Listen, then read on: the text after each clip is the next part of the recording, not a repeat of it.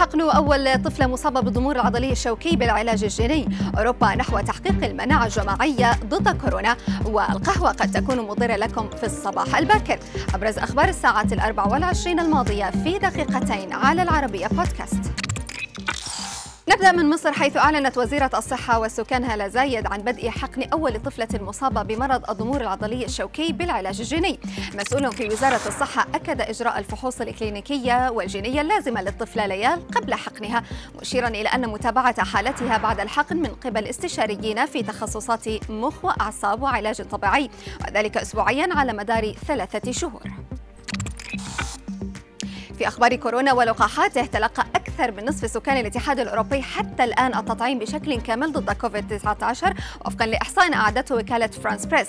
رئيسة المفوضية الأوروبية أورسولا فون دير لاين أعلنت أن 60% من البالغين في الاتحاد الأوروبي تلقوا جرعتي لقاح أو جرعة واحدة بعد التعافي من الإصابة بكورونا.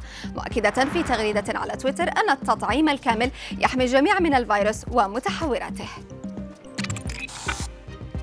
بعدما باتت فوبيا الإصابة بكورونا تهدد نفسية النساء الحوامل خاصة فيما يتعلق بصحة الجنين وسلامته. أكد أطباء عربية عدم وجود خطر على مناعة الحوامل ممن تتراوح أعمارهن بين 18 و 38 عاما. الأطباء أوضحوا أن الإحصائيات الطبية لم تؤكد حتى اليوم إذا كانت المرأة الحامل معرضة للإصابة بعدوى كورونا أكثر من غيرها. مشيرين إلى أن سلامة الجنين في مأمن تام لعدم وجود دراسات تؤكد أن انتقال الفيروس قد يتم عن طريق دم أو البشيمة.